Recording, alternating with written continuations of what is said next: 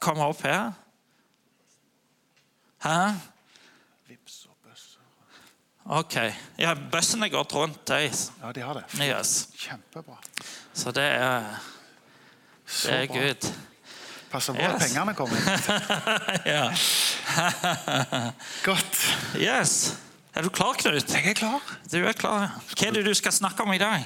Du, jeg vil ikke røpe det ennå. Du vil ikke røpe det helt ennå? Nei. Nei, men da får vi vente i spenning, da. Jo da, jeg kan godt røpe det. Men jeg har allerede skrevet litt om det på, på, i annonserte i forhold til Facebook og ukens mail. og Det står òg på betel.no, og i tillegg så tror jeg det ble nevnt siste søndag. Vi er jo inne i en serie som vi kaller for Ærlig talt, og det er høstens store overskrift. I den serien så tar vi for oss eh, noen av de store og vanskelige spørsmål som både kristne og ikke-kristne fra tid til annen spør seg. Og En del av disse spørsmålene er det ikke sånne enkle, entydige to streker under svaret svar på. Og Derfor så har vi heller ikke en ambisjon om å gi alle svar i løpet av disse søndagene. Men vi har en ambisjon om å peke oss i en retning. Gjennom at vi snakker sant og ærlig om ting, gjennom at vi tar fram Bibelen og ser hva den sier om disse spørsmålene. Og Det gjør vi både på søndager her, i forkynnelse, vi gjør det i samtale i husgruppe, og vi gjør det på enkelte undervisningskvelder som vi har. Så får jeg røpe dagens overskrift, Odd Børge. Dagens overskrift går sånn som dette her. Ærlig talt.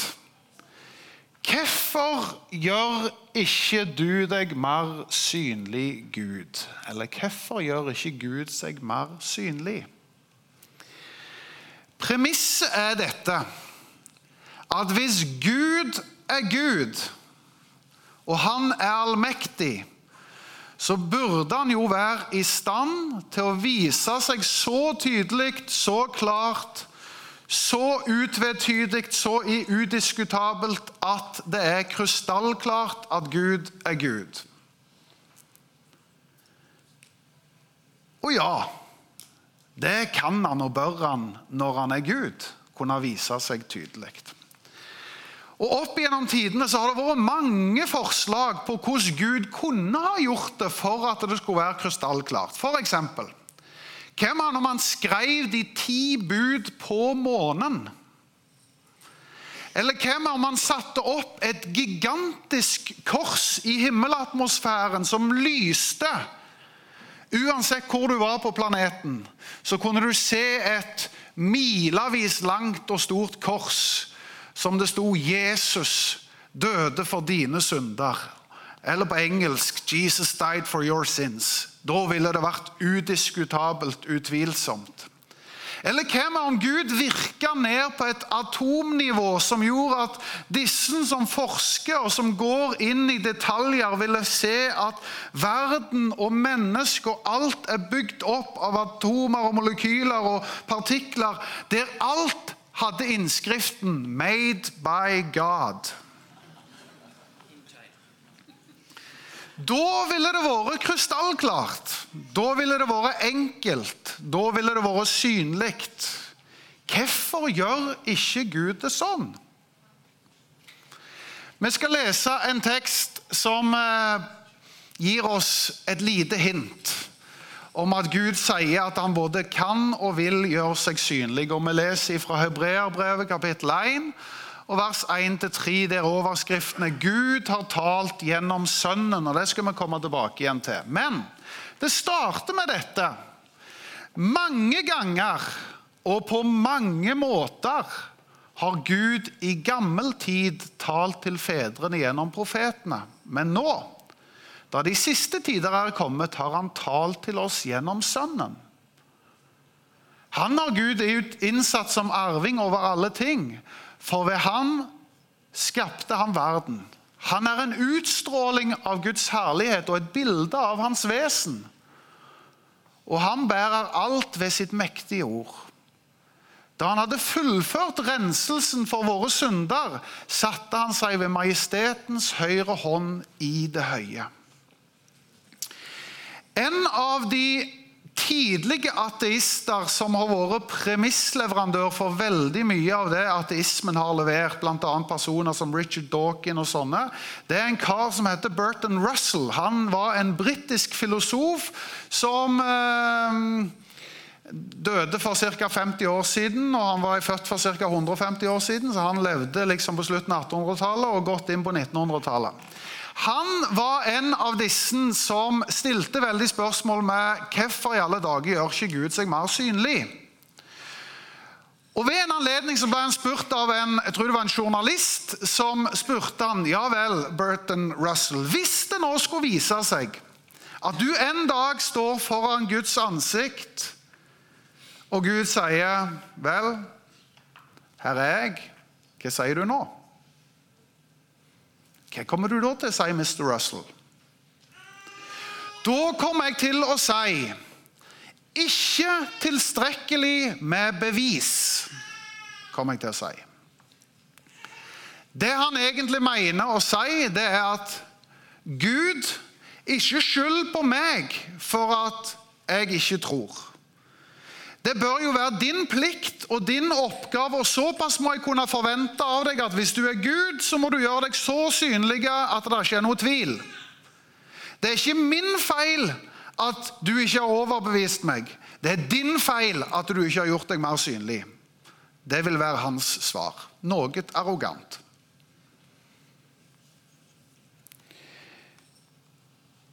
Fortsatt så sier Bibelen mange ganger og på mange måter har Gud gjort seg synlig. Jeg så på programmet Brille nå på torsdag. Det er jo et eh, på TV Norge. Harald Eia er programleder. Det er et eh, litt sånn eh, vitenskapelig program som har en del humoristiske skråblikk på ting og tang. Og jeg syns i seg sjøl det er ganske interessant. Denne gangen, hvis dere ikke har sett det, så karikerte eller karikerte, det gjorde de kanskje ikke, men de satte lys på pinsevenner. Og spesielt på det faktum at folk rundt forbi verden taler i tunger. Og De prøvde å se på dette fenomenet her, og hadde jo selvfølgelig innspill og tanker rundt det. og Det var folk som var eksperter, og det er ikke det som er temaet mitt nå, men jeg bare sier det som apropos. Men der sier en av de som satt i panelet, som er komiker Tore Sagen, han sier Hvorfor gjør Gud det så vanskelig? Hvis Gud vil kommunisere med oss, så kunne han vel bare åpna opp himmelen, stukket ansiktet sitt ned og sagt tydelig ifra hva han mente om ting og tang. Hvorfor gjør ikke Gud det på den måten der? Altså, Du finner det gjennom alle tider. Du finner det senest på Brille nå på torsdag. Hvorfor gjør ikke Gud seg mer synlig hvis han er Gud? Det må vi kunne forvente. Vel, vi må jo prøve å nærme oss dette, da. For mange ganger og på mange måter har Gud talt, sier Bibelen.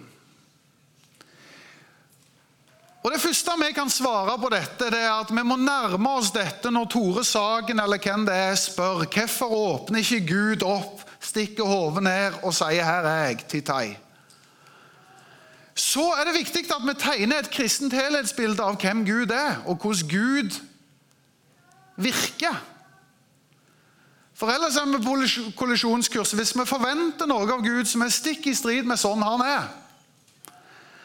Og Det første vi kan si når vi tegner dette helhetsbildet, det er at Gud har sagt at han er ånd. Og den som tilber han må tilbe ånd og sannhet. Altså Gud er ånd. Hva betyr det? Det betyr at Bibelens bilde er at det er ikke likt som i mange andre religioner, der Gud bare er en eh, Kall det et forstørra vesen i rommet. Altså, Gud er som oss, bare han er noen meter høyere og litt sterkere. Det er ikke det bildet Bibelen tegner av Gud. At han er bare som en person i rommet. Gud er ånd. Et annet bibelvers så står det Paulus som sier det til Timoteus Det skal han la oss få se i rette tid, han som er den salige og eneste mektige, kongenes konge, herrenes herre, den eneste som er udødelig, og som bor i et lys ingen kan komme, han som intet menneske har sett, og heller ingen, nei, ikke kan se. Han tilhører æren i, og, og evig makt. Amen. Altså han som bor i et lys som ingen kan komme, og som intet menneske har sett. Det er et av de bildene Bibelen tegner av Gud. Og Da er det ikke rart at når Juri Gagarin, som var den første som var ute i rommet i 1961, kom tilbake igjen og sier folkens, nå har jeg vært ute og sett. Gud var ikke der. Og nå trenger vi ikke lure lenger, for Gud er ikke. Gud sitter ikke og gjemmer seg bak ei sky som vi kan lete og finne han fram. Bibelen tegner et bilde av at Gud er ånd, og at han bor i et lys der ingen har vært og ingen har sett. Og Så kan det være noen av dere tenker at jo, men jeg føler jo at det er noen som har sett Gud. Jeg mener Adam og Eva, f.eks. Og Da er det jo litt på kollisjonskurs med Johannes 1, 18, at ingen har noen gang sett Gud. Og Husker du første Mosebok 1, så husker du at jo, men Adam og Eva var jo sammen med Gud. De så jo Gud, og de så han til og med ansikt til ansikt. Til det så er det det å si at realiteten er jo at meg og deg lever etter syndefallet. Ting har endra seg. Det fellesskapet og paradis som Adam og Eva opplevde, det er ikke den realiteten meg og deg står i. Og Så kan du si ja, men jeg føler ikke jeg ser Gud, jeg føler ikke Gud er nær. Og Et av de bildene som kan illustrere det, det er at hvis nå jeg er den som ser, og la oss si at dette rommet representerer Gud Og hvis jeg da er den som har snudd ryggen til Gud, og sier at jeg ikke ser Gud, så lurer jeg på hvem er det som har beveget seg? Er det Gud, eller er det meg? Det er meg. Det er det Bibelen tegner av et bilde. Det er det at Gud er en hellig Gud, og i hellighet så er det noe som heter atskillelse. Det at Gud er hellig, det betyr at han er atskilt. Han er satt til sides, han er suveren, han er over. Og han kan i praksis ikke ha ansikt-til-ansikt-fellesskap med noe som er syndig, og noe som er synd. Det er en motsigelse som ikke går opp. Og Derfor så er Bibelens bilde av Gud det er at jo, han fins der, han er der, men vi kan ikke se han ansikt til ansikt. Fordi at synd har gjort at det kom et brudd inn i verden. Det har gjort at jeg og du og alle mennesker og menneskeheten har snudd ryggen til Gud. Det er noe av det bildet som Bibelen tegner av Gud. og En av de stedene som illustrerer dette ganske godt, er i 2. Mosebok kapittel 33. Der har Gud en samtale med Moses. Og I vers 20 så står det at eh, Gud sier til Moses det at ingen kan se mitt ansikt og leve. Og Så står det noen vers senere, i vers 23, at eh, fra nå av så skal dere bare kunne se meg bakfra. Altså, dere skal kunne ha glimt av meg, Gud, men dere kan ikke se meg ansikt til ansikt. Dette er et bilde Bibelen tegner. Nå er jo evangeliet sånn, og i et evighetsperspektiv så skal vi jo få møte ham ansikt til ansikt. Så det kommer en tid der det endrer seg. Men her i tida så er det sånn at i samtalen med Moses så viser Gud tydelig at det som er realiteten av vårt liv etter syndefallet, det er at vi kan ikke se Gud ansikt til ansikt. Gud er ikke bare en person i rommet eller en som sitter bak ei sky. Gud er ånd. Ingen har noen gang sett Gud. Du kan ikke se Guds ansikt og leve. Men Gud har sagt du skal få se glimt av meg. Du skal få lov å erfare mitt nærvær. Og mange ganger og på mange måter har jeg talt til dere. Så etter at vi har tegnet dette bildet av Gud der det ikke er så rart at Tore Sagen ikke opplever at Gud bretter opp himmelen og stikker ansiktet ned, så er det sånn at Bibelen sier det er ikke sånn Gud er. Han kommer ikke til å vise sitt ansikt på den måten, men han kommer til å vise seg. Så hvordan er det Gud da har valgt å gjøre seg synlig? La oss ta tre dimensjoner av hvordan Gud har gjort seg synlig. For det første så har Gud indirekte gjort seg synlig gjennom skapelsen. Tror det er sånn at når du kikker på skaperverket, så skal du intuitivt tenke og forstå at her er det en skaper som står bak. Skaperverket i seg sjøl gir et synlig tegn på at Gud fins. Akkurat som når du ser et hus, så tenker du gjerne ikke i første omgang at her er det en arkitekt, men hvis du prøver å anstrenge deg litt, så tenker du kanskje dette huset vitner om en arkitekt. Hvis du ser et kunstverk, så tenker du kanskje ikke i første omgang på kunstneren, men et kunstverk vitner om en kunstner. Indirekte så peker noe tilbake igjen på en opprinnelse. På samme måten så sier Bibelen at skaperverket er et synlig og tydelig tegn ifra Gud at det er en skaper. Så Gud har for det første indirekte gjort seg synlig gjennom skapelsen. Hvis en kikker på det bildet der, så er det sikkert noen av dere som allerede har klart å se at uh, det fins mer enn bare prikker og kruseduller. Er det noen som ser det? Hvis du legger blikket litt godt på, så ser du at det kan finnes et ansikt der. Noe som skjuler seg på en måte midt i. Det kalles gjerne for en sånn optisk illusjon. Jeg vet ikke om dere har sett den type bilder der det er sånn at det fins en dypere hensikt og blikk på noe. Ser dere hvem det kan være? La oss ta et annet bilde. Ja, trenger jeg å peke på det, kanskje? Ja. Der er det et øye, der er det et øye. Der kommer det noe skjegg. Der er det en munn.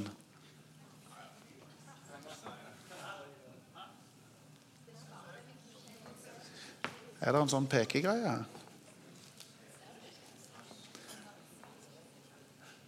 Jesus Kristus skjuler seg i det bildet.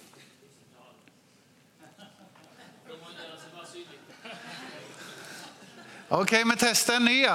Dette er ikke Jesus Kristus, men hvem ser dere her? Jeg hørte noen sa en and, og så hørte jeg noen sa en kanin. Hvem har rett?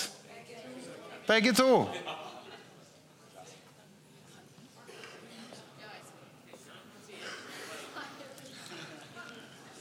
Klarer dere å se kaninen hvis dere snur det helt rundt og tenker at nebbet på anda heller er ørene til kaninen?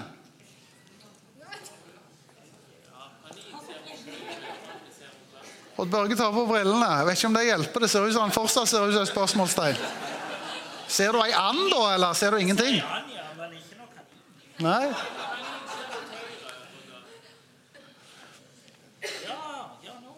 Sånn, ja. Aha! Vet du hva? Det går an å se på noe og se det med forskjellig blikk. Med forskjellige briller. Noen ser på et skaperverk og tenker tilfeldig. Andre ser på et skaperverk og sier Gud. Det handler om dybden i hva du ser. Det handler om hvor du legger blikket. Og For oss som tror, så er det et tydelig tegn fra himmelen at det vi ser rundt oss Og når margen som jeg ser på herrene, sier at jeg går ut i skaperverket, så opplever jeg Gud. så kan jeg forstå det. Fordi at skaperverket vitner om en skaper. Faktisk så sier Bibelen det sånn i Romerne 1,18 at eh, det vi kan vite om Gud, det ligger åpent for alle mennesker. Både hans usynlige vesen og hans evige kraft og hans guddommelighet. Det har vært åpent for alle mennesker siden skapelsen. Derfor har ingen en unnskyldning, sier Bibelen. Det fins ikke ett ikke et menneske som skal kunne unnskylde seg og si at 'jeg aner ikke noe om Gud'. Fordi at skaperverket gir et synlig bilde og tegn på at Gud er Gud. Nå er det jo sånn at vi gjerne vil ha tegnene eller synlige bevisene på vår måte. Og da vil jeg si det er ikke vår rolle å diktere Gud i hvordan han skal vise seg. Gud har valgt å gjøre seg synlig sånn han vil. Gud er Gud. Det er ikke i vår posisjon og makt å bestemme. Gud er den som legger premissene for hvordan han vil gjøre seg synlig. Og For det første så har Gud gjort seg synlig gjennom skaperverket.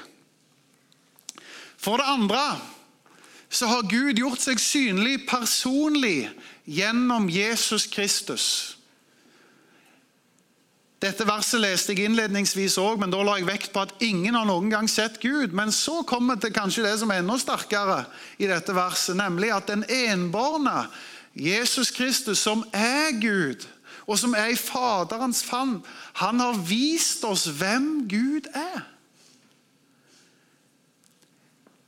Visstnok i grunnteksten så går det an å si at Jesus er eksegesen av Gud. Han er den som legger ut Gud. Eksegese betyr utleggelse. Når du legger ut en tekst, så er det tekstutleggelse. Altså den som har lagt ut Gud. Det er Jesus Kristus. Han er Gud inkarnert i kjøtt og blod. Gud ble menneske og tok bolig iblant oss. Og så gikk han omkring og var Gud og samtidig 100% menneske. Det betyr at Gud har faktisk valgt å gjøre seg krystallklart synlig på et bestemt sted, til en bestemt tid, gjennom en bestemt person, sin egen sønn. Sånn at det skulle være synlig og tydelig for alle at Gud er Gud. Så det synlige tegn nummer to det er at vi kan rett og slett Gjør som Zakaria, som lovpriser Gud, for han sier Gud har besøkt sitt folk. Og Gjennom Jesus Kristus så har vi fått et besøk av Gud på jorda.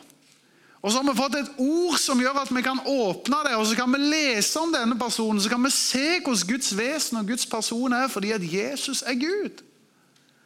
Det er et synlig tegn som gjør at vi skal vite at Gud er Gud.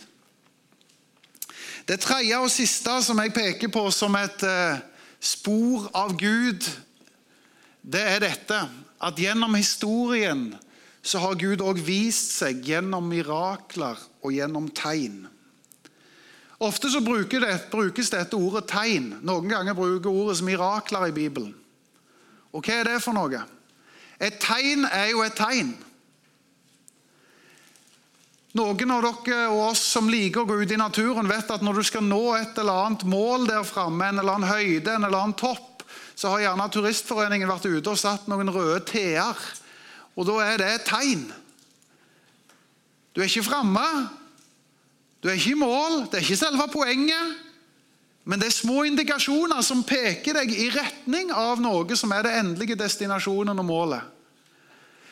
Gud har gitt noen tegn. Gud kommer med mirakler. Og det er et synlig bevis på at Gud er Gud. Et tegn det står jo for noe som ikke representerer regelmessighet. fordi at Hvis du følger naturen og naturlovene Hvis jeg tar denne saken og slipper den, så vil naturlovene være sånn at den går i bakken fordi at tyngdekraften gjelder. Naturen vitner om regelmessighet. Det skjer alltid når jeg slipper denne. Natur er regelmessighet.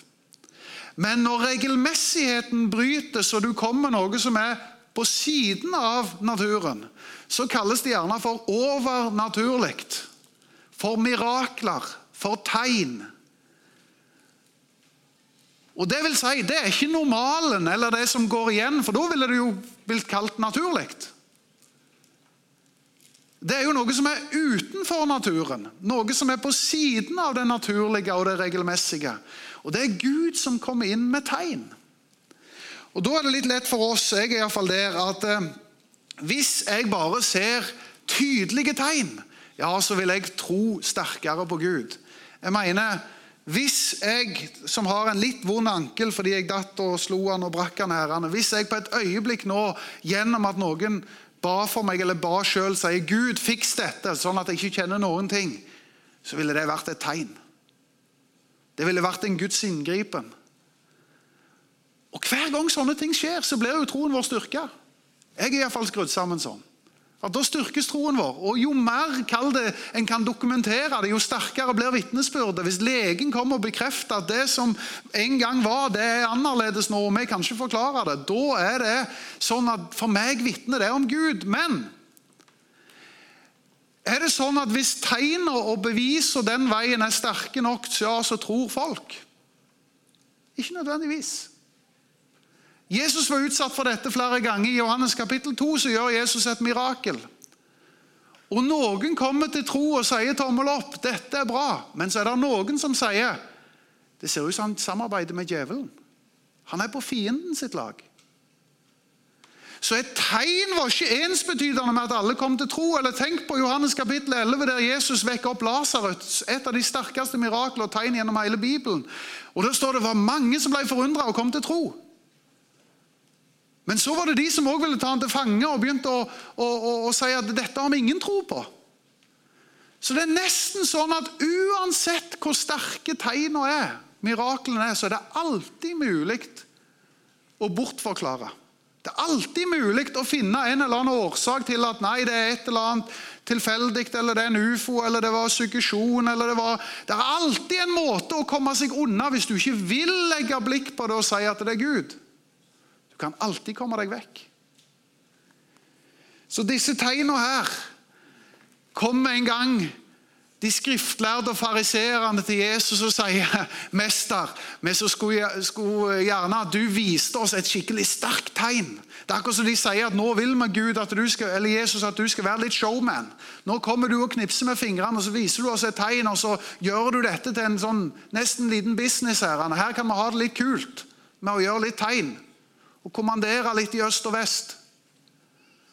Og så sier Jesus til dem at en ond og vantro slekt krever tegn, men, eh, ikke, men de skal ikke få noe annet tegn enn Jonategnet. For som profeten Jonah var tre dager og tre netter i den store fiskens buk, slik skal menneskesønnen være tre dager og tre netter i jordens dyp. Hva er det Jesus sier her? Han sier tegn og mirakler kan vi både be for, tro på, håpe på, men vi kan ikke kreve det. En ond og vantro slekt krever tegn. Dere har blitt gitt tilstrekkelig med tegn. Og hva er tegnet som er et bestående tegn som står seg gjennom alle tider? Jo, det er at Jesus Kristus døde for våre synder. Han sto opp den tredje dag, og han vant en seier over døden og triumferte på korset. Det er det bestående tegnet som står seg gjennom alle tider. På samme måte som Jonah var, så bruker han den parallellen og så sier han, dette er tegnet som dere får, folkens, og som er utvetydig og som er krystallklart, og som alle kan forholde seg til, det er Jesus Kristus døde oppstanden. Det er det ultimate tegnet ifra Gud.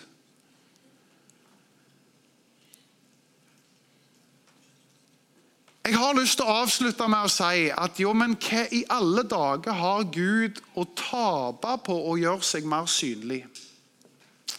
Hvis han nå skrev disse ti bud på månen, eller satte det lysende korset på himmelen, eller skrev 'Made by God', eller åpna himmelen og stakk hodet ned og sa tydelig ifra 'Titai, her er jeg, jeg er Gud'. Hva har Gud å tape på at han ikke gjør det på den måten der, som kanskje vi tenker da ville det vært null tvil? Til det så tror jeg at jeg har lyst til å si det sånn som dette, at Guds synlighet er kobla til Guds oppdrag. Jeg ser det er et ord som ikke har kommet med dere, men det er at Guds synlighet er kobla til hans oppdrag. Hvorfor sier jeg det? Jo, fordi at Er det sånn at poenget for Gud er å overbevise alle mennesker om at han fins? Er det Guds store mål i livet? Det overbeviser overbevise alle mennesker om at han fins. Hvis det var Guds hensikt og Guds oppdrag og Guds mål, det var at alle skulle si, nikke anerkjennende og si 'Gud, jo, du fins', da kan det godt hende at Gud hadde gjort det på en annen måte. Men er det det som er målet til Gud? Gud vil ha mennesker som bøyer knær. Gud vil ha mennesker som hengir seg til han. Og Når det snakkes om den dagen vi skal møte han igjen, så beskrives det som et bryllup. Det er kjærlighet. Det er mennesker som gir sitt hjerte til hverandre. Er det sånn at Gud har et mål om å bare få flest mennesker til å si at de tror på ham? Eller anerkjenne at han finnes? Nei, han vil jo at flest mennesker skal frivillig gi seg hen til ham i en kjærlighetsrelasjon. Det er Guds oppdrag. Og Derfor så tror jeg at Guds synlighet står i forhold til hva slags oppdrag han har.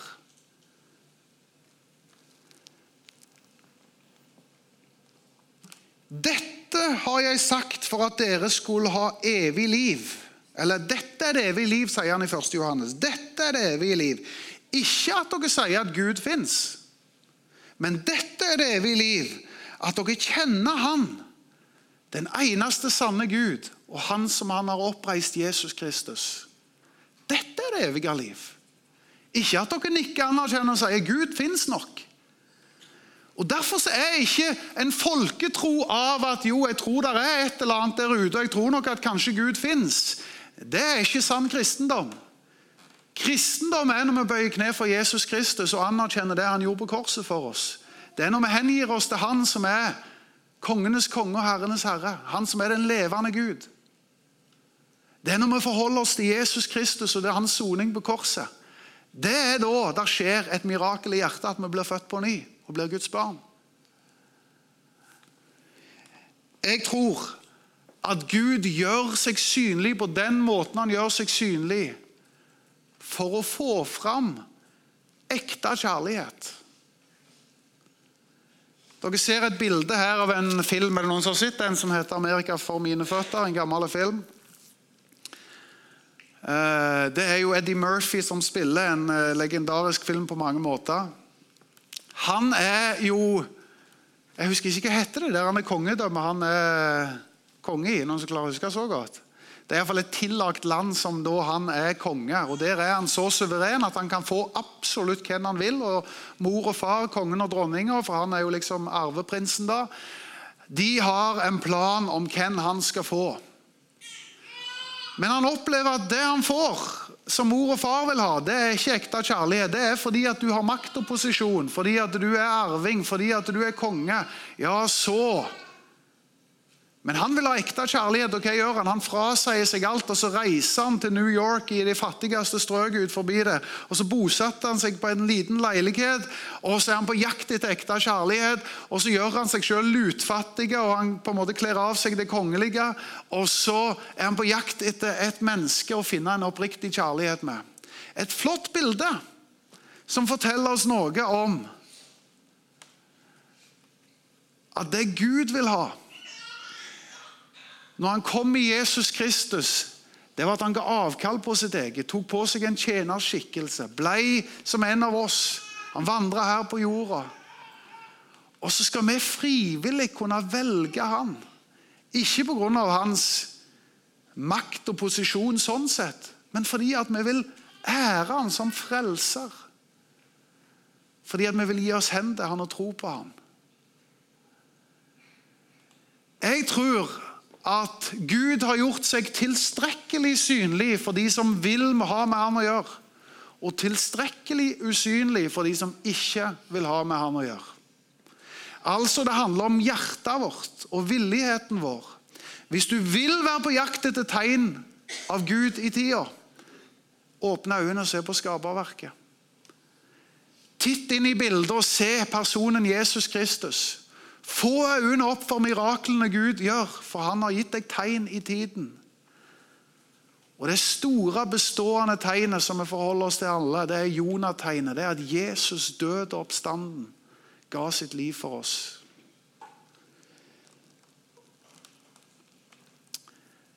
Det går an å se inn i dette store spørsmålet og si Gud gjør seg absolutt ikke så synlig som jeg ønsker og håpte og ville. Og Ofte handler det om at vi lager Gud i vårt bilde og sier Gud, du må møte meg på mine premisser og sånn som jeg ser for meg at du skal møte meg.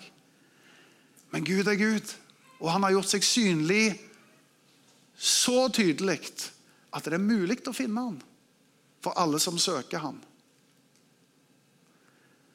Og Da er det jo litt forunderlig at jeg avslutter med dette, for han sier han jublet i Den hellige ånd og sa, 'Jeg priser deg, Far, himmelens og jordens Herre,' 'fordi dette har du skjult for kloke og forstandige, men åpenbarte for enfoldige.'